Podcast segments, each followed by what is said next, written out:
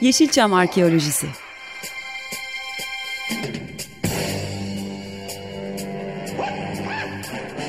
Türk sineması ve Yeşilçam'ın besin kaynakları, emekçileri ve kıyıda köşede kalmış hikayeleri.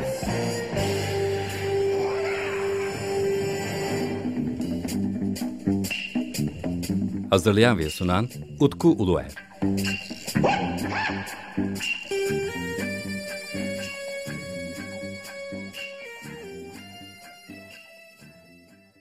Merhabalar değerli Açık Radyo dinleyicileri. Yepyeni bir Yeşilçam Arkeolojisi programında da sizler birlikteyiz.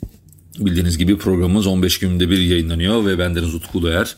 Sizler birlikte Türk sinemasının geçmişine dair bilgileri topluyoruz, derliyoruz. E, ulaştırabildiğim ilginç konuları da sizlerle paylaşmaya programda devam ediyorum. Bazen sadece müziklere yer veriyoruz. Bazen çeşitli konuklarımız oluyor. Elimden geldiğince piyasaya çıkmış yeni kitapları sizlere tanıtmaya çalışıyorum. Bazen de eski bazı kitapları tekrar gündeme getirmeye çalışıyorum ve bu şekilde Türk sinema tarihiyle ilgili yaklaşık 8 seneden beridir yayınımıza devam ediyoruz Açık Radyo'da. Bu haftaki programımızda özellikle Türk İşi Kovboylar e, programını yaparken yapmakta olduğum e, bir yaklaşımı da Yeşilçam Arkeolojisi'ne devam ettirmek için bu sefer mikrofonun karşısına geçtim. Bu programda sizler için e, bir film seçtim. Bazı arkadaşlarım özellikle neden tematik gitmediğimi, bazı sanatçıları veya bazı filmleri neden merkeze almadığımı söylemişlerdi. Ben de bu programda kendi eski yazdığım bir yazı üzerinden yola çıkarak sizler için bir film seçtim. Bu filmde Uçan Daireler İstanbul'da filmi. 1955 yapımı Uçan Daireler İstanbul'da filmi aslında e, sinema tarihimizde de e, yer alan çok ilginç yapımlardan bir tanesi. 1955 yılında Orhan Erçin'in bir projesi olarak ortaya çıkıyor. Senaristliğini kendisi yapıyor ve daha sonra filmin yönetmeni de yine Orhan Erçin. Filmde Orhan Erçin başrolde var. Onun yanı sıra Zafer Önen, Halide Pişkin, Özcan Tekgül, Mirella Monroe, Kadir Şenkal, Hakkı Ruşen ve de çok ilginç bir isim var. Özdemir Asaf başrolde olmuş. Film müzikleri Metin Büke'ye emanet edilmiş. Ee, bir komedi bilim kurgu filmi. Uzun zaman öncesine kadar da bu filmin e, kayıp olduğu düşünülüyordu. 2000'lerin başında ortaya çıktı ve daha sonra MTV'de yayınlanmış olan Fantastik Türk filmleri kuşağında da yayınlandıktan sonra e, bir dönem DVD'si çıkarılması düşünüyordu. Fakat maalesef bu proje yattı çünkü biliyorsunuz ülkemizde DVD satışları çok yüksek rakamlara ulaşmıyor. Özellikle Türk filmleri çok fazla satamıyorlardı. Bu nedenle e, fanatik film piyasaya çıkartmayı düşündüğü Uçan Derler İstanbul'da filmini daha sonra e, bir türlü piyasaya süremediği için bu proje yatmış oldu. E, artık 2023 yılında da bazı eklemeler yapılmıyorsa bu tip filmleri zaten piyasaya çıkartmıyorlar. Uçan Derde İstanbul filmi de kimse bu filmi e, açıkçası DVD'ye ya da Blu-ray'e basmaya yanaşmıyor.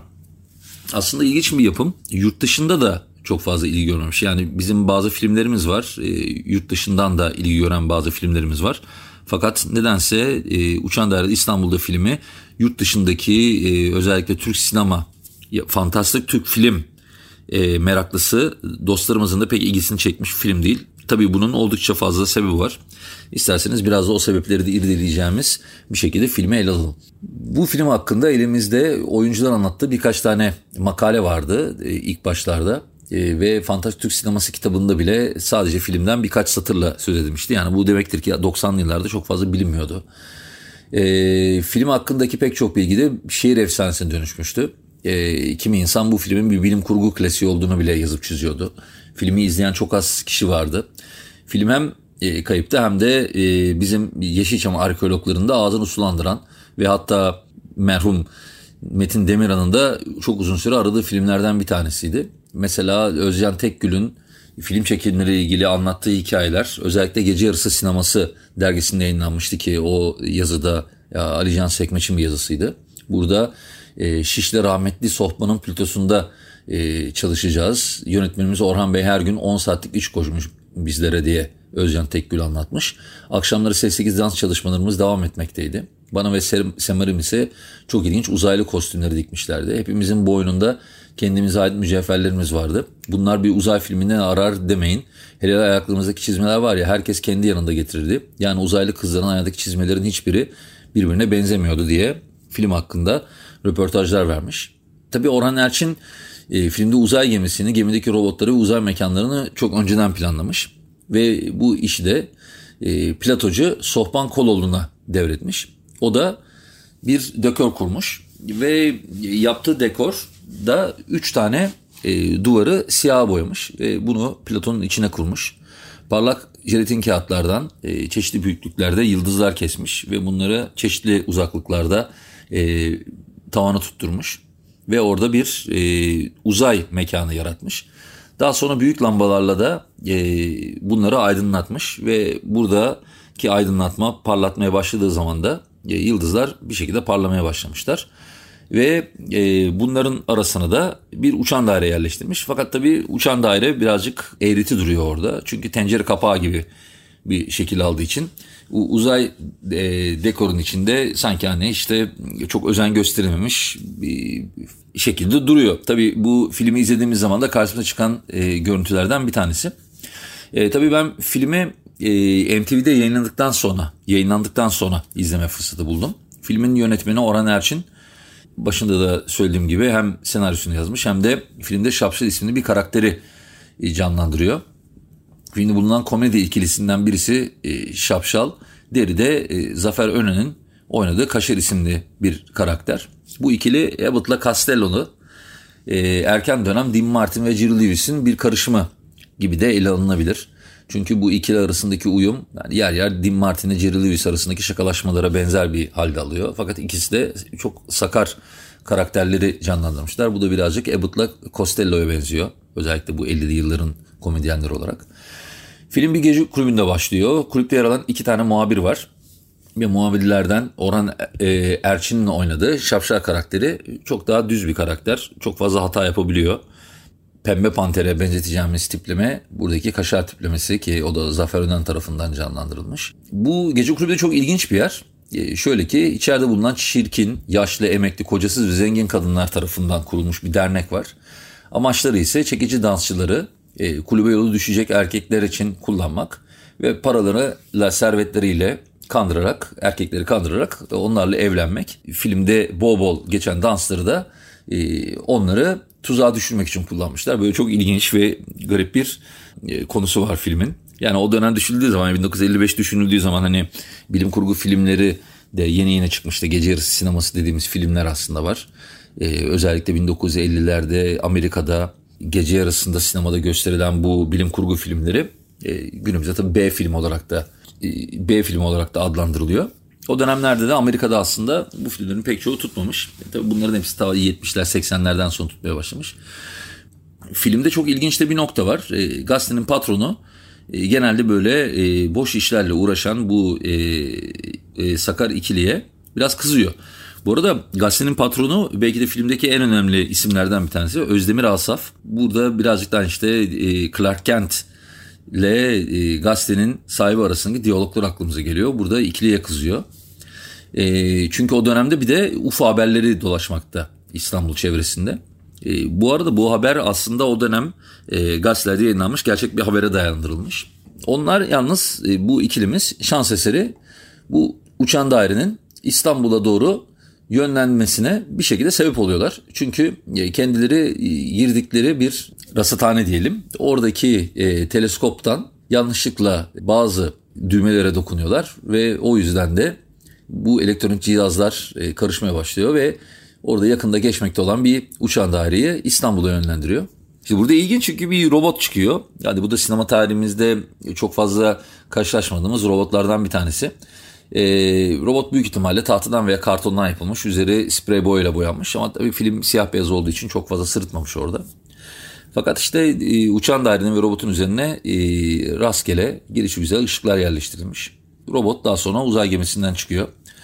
E, bu uzay gemisinin içerisinde Özcan Tekgül, Semiramis Göze ve Türkan Şamil e, çıkıyorlar. Tabii o dönem Özcan Tekgül e, dönemin çok önemli dansçılarından bir tanesi.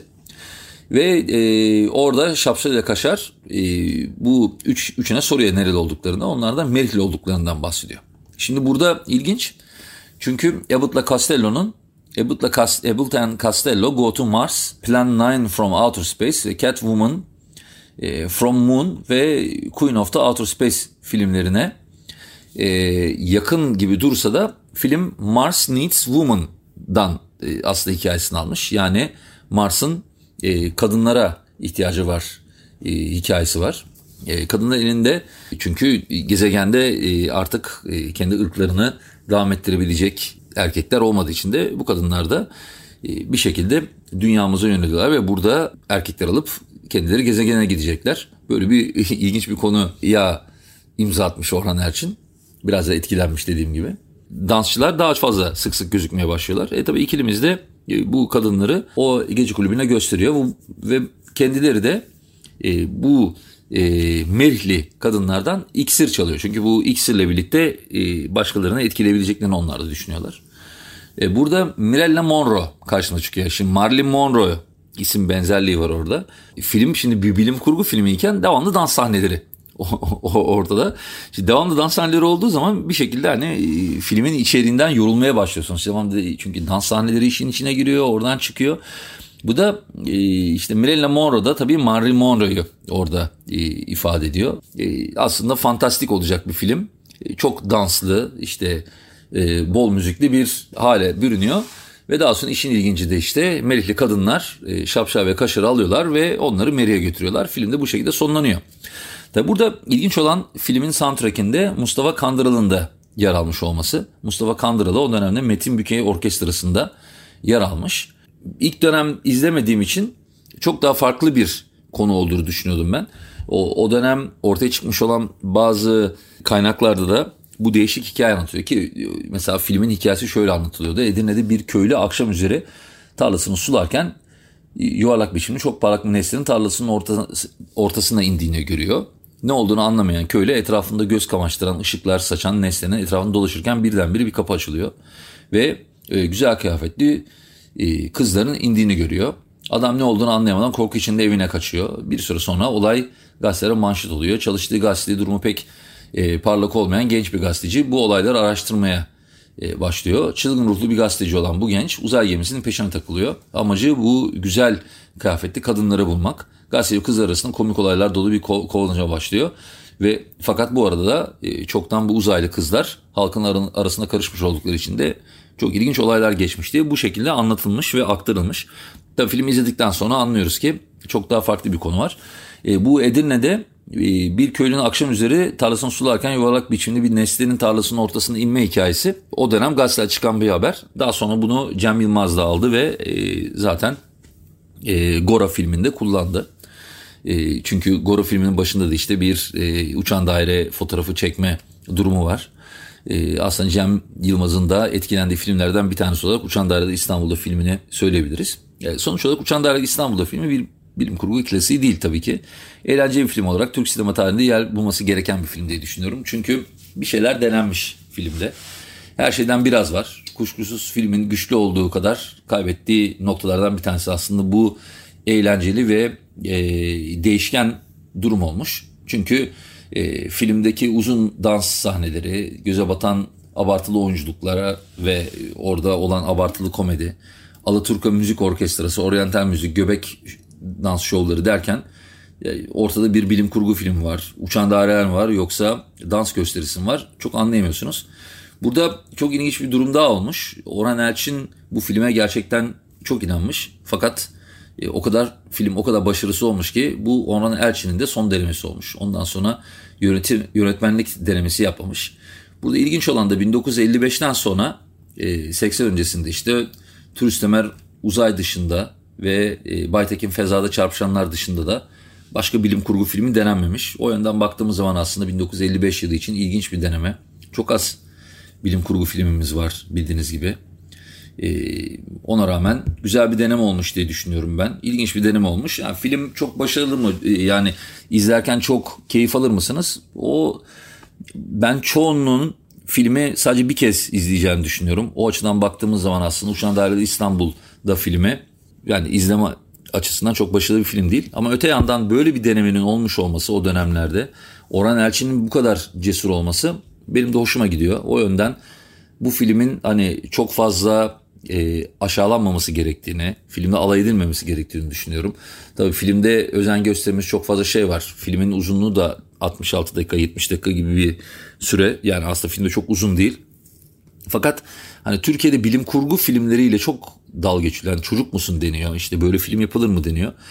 E, bir şekilde de işte onu yapan e, yönetmen ve senariste filme o kadar çok dans sahnesi koyuyor ki yani insanlar bari dansla birlikte bilim kurgu hikayesini izlemeye çekim diye düşünüyor. Maalesef zaten komedi unsurlarının çok kullanılması ve bilim kurgu filmi yapılması bizim birazcık da Türk sinemasında bilim kurgu konusunda aşamadığımız sorunlardan bir tanesi. Ya filmde 1955 yılında bunu yapmış aslında. O yönden baktığımız zaman e, bilim kurgu açısından çok başarılı bir film değil ama önemli bir deneme. En azından bilim kurgu filmi denemişler diyeceğimiz bir yapım. Hani bizim de uçan dairelerimiz İstanbul'a gelmişti diyebileceğimiz bir yapım. Evet değerli dostlar, e, dilim döndüğünce size Uçan Daireler İstanbul'da filmini anlatmaya çalıştım. Filmi YouTube'da e, bulabilirsiniz. Bence en azından bir kez izlemeye değer bir yapım. E, filmi çok sıkıcı bulabilecek olanlar da var. Onun için şimdiden uyarıyorum. Böyle uzun dans sahnelerini geçerseniz e, filmde kullanılan değişik mekanları o dönemde Orhan Elçin'in tek başına her şeyi yaparak e, bunları ortaya koymaya çalıştığını düşünerekten aslında belki de tebrik edebilirsiniz. Veya filmi zaten çoktan izlemişsiniz, izlemişseniz ve bilim kurguya zaten çok fazla e, ilgi duymuyorsanız e, yani ne gerek vardı diye diyebilirsiniz. Ama bence e, bu film iyi ki de olmuş. En azından böyle bir film yapılması denenmiş. Başarılı olmasa da en azından 1955 yılında bilim kurgu filmi deneyebiliyorduk. E, ya da yani bütün zorlamalara rağmen böyle bir film ortaya konabiliyordu diyebiliyoruz. Evet efendim 15 gün sonra yeni bir Yeşilçam arkeolojisinde buluşmak üzere. Benden Uzut Kuluyer. Bu haftaki programımızda Uçan Daireli İstanbul'da filmini ele aldık. Programın sonunda bir şarkı paylaşmak istedim. E, bu şarkı çok değerli dostum Ercan Demirel'in video klibinde e, Uçan Daireler İstanbul'da filmini kullandığı, kendi hazırladığı bir e, hayran video klibinde Uçan Daireler İstanbul'da filmini kullandığı bir şarkı. Replikas'ın 2008 yılı yapımı Zerre albümünde yer alan Ruh Feza şarkısı. Bu şarkı da albümün hidden tracklerinden bir tanesi. E, bu şarkıyı da bu şekilde programımızda yer vermiş olduk. Replikas'tan Ruh Feza ile hoşçakalın diyorum.